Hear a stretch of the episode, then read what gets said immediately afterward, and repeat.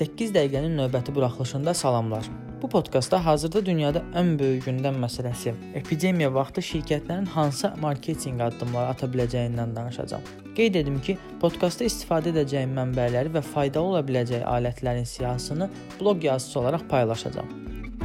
Şirkətlərin marketinq departamentlərinin, agentliklərin və fərdi məsləhətçilərin üzərinə hər zamankindən daha böyük məsuliyyət düşür. Çünki şirkət rəhbərliyi onlardan büdcə optimizasiyası üçün təkliflər gözləyirlər.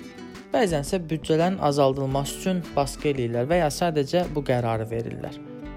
Təbii ki, bu period keçəcək.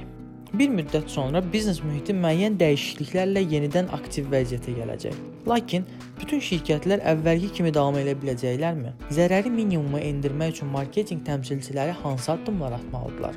Epidemiyadan sonrakı perioda indidən hazırlaşmaq lazımdır. Bunun üçün sonra vaxtımız olmaya da bilər. Ona görə də indiyə fokuslanmaq əvəzinə bir neçə həftə, bir neçə ay sonrası üçün düşünüb ona uyğun davranmaq lazımdır.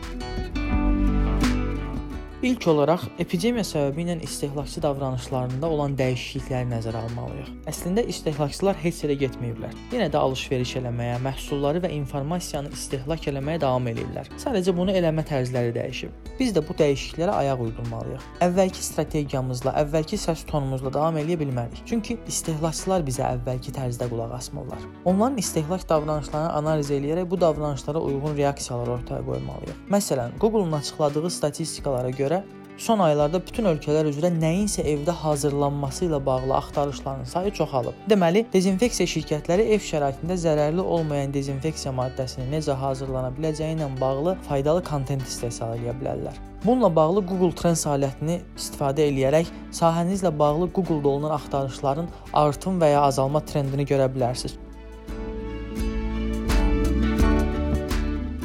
Susmaq qızıl idi. İndi də elədir. Düşünürəm ki, indiki periodda düzgün danışmaq qızıldır. Nəinki susmaq. Onlayn şəkildə xidmət və ya məhsullarımızı satmaq imkanımız yoxdursa və ya bu imkan limitlidirsə belə, çatımlılıq reklamlarını unutmamalıyıq. Daha çox reach-i hədəfləməliyik. Çünki bu period bitdikdən sonra insanların bizi xatırlaması, beyinlərində bizimlə bağlı müəyyən məlumatların olması lazımdır. Martin Lindstrom Biology kitabında verdiyimiz qərarların 95%-i təhtəşüur tərəfindən verilir, deyir.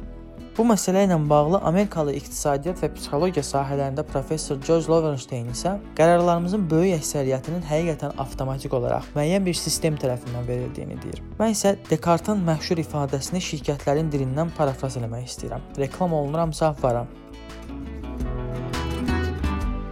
Bəs büdcə necə olsun? Necə dəyişək? Aydın məsələdir ki, hazırda oflayna yeni reklam yatırımı demək olar ki, etmirik. Billboardlar effektiv deyil, BTL keçirə bilmirik və s. Onlayn ilə bağlı isə məsələ o qədər də sadə deyil. Onlayn reklamların büdcəsini azaltmazdan əvvəl detallı analiz eləyərək pozitiv ROI-ya sahib olan kanalları və ya kanalların içində olan hissələri müəyyən etməli və onları azaltmamalıyıq. Əksinə, onlara uyğun kampaniyalara daha çox güc verməliyik. Əgər bir kampaniyamız və ya bir axtarış sözümüz, bir keywordumuz hazırda pozitiv ROI verirsə, onun büdcəsini saxlamaq bizə an etibarı ilə ancaq ziyan verə bilər və əldə edə biləcəyimiz dolayı və ya birbaşa qazancdan məhrum eləyə bilər. Məsələn, hazırda axtarış reklamları əvvəlki kimi effekt verməyə bilər. Amma YouTube reklamları və ya Google Partner Network reklamları nəticələr daha yaxşıdır. WordStream-in koronavirusun fərqli sektorlara fəaliyyət göstərən şirkətlərin internet reklamlarına necə təsir elədiyi ilə bağlı yayımladığı araşdırma ilə tanış ola bilərsiniz. Düzdür, araşdırma Amerika üzərində aparılıb, amma ə, e, həmin nəticələri Azərbaycan bazarına da uyğunlaşdırmaq mümkündür. Maraqlı olanlar üçün həmin hesabatı bloq yazısı olaraq paylaşacağam. Və eyni zamanda da Procter Gamble məsələn indi gözdən itmək üçün üçün uyğun bir vaxt deyil deyərək marketinq xərclərini artıracağını bildirib.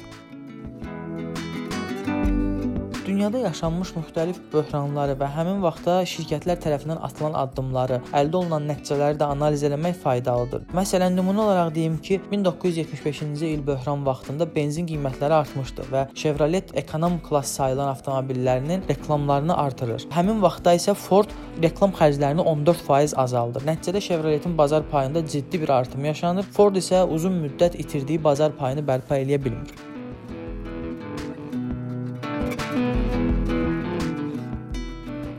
Biz indiyə qədər internetdə olmamışıq. Necə eləyək bilmirik deyənləri eşidirəm sanki. Bunu eləmək üçün çox yaxşı fürsətdir. İşlər əvvəlki vaxtla müqayisədə azalmış ola bilər. Ancaq digər tərəfdən fərqli istiqamətə yatırım eləyə biləcəyimiz resursumuz çoxalıb. Vaxtımız. Onlayn kurslara, vebinarlara qatılmaq üçün, podkastlara qulaq asmaq üçün, kitabları və məqalələri oxuyub daha çox məlumat əldə etmək üçün vaxtımız var.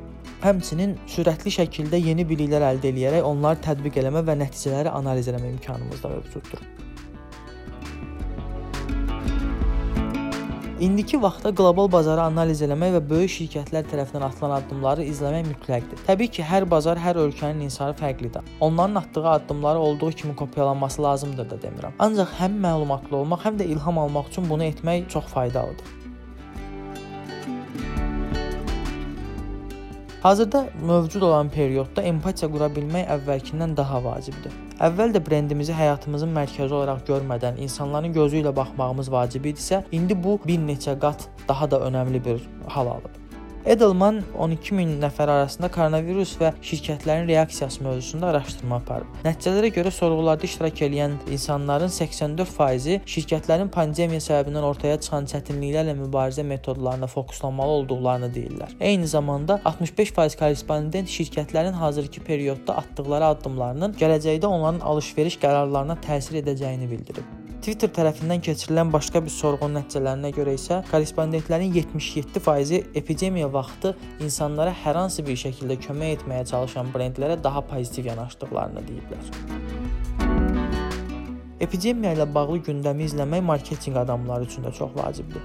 3 gün əvvəl mesajlarımızda istifadə edə biləcəyimiz məlumatlar artıq köhnəlmiş ola bilər. Bu səbəbdən mütəmadi olaraq etibarlı mənbələrdən, elm cəmiyyəsindən ən son məlumatları almaq və həmin məlumatların gündəlik marketinq mesajlarında necə istifadə oluna biləcəyini analiz etmək lazımdır. Unutmamalı olduğumuz məqamlardan da biri odur ki, hər bir şirkətə inanan, güvənən insanlar var və heç bir şirkət inamı itirmək istəməz. Buna görə də əldə olunan və paylaşılan məlumatların doğru, etibarlı və ən yeni olduğuna əmin olmaq lazımdır.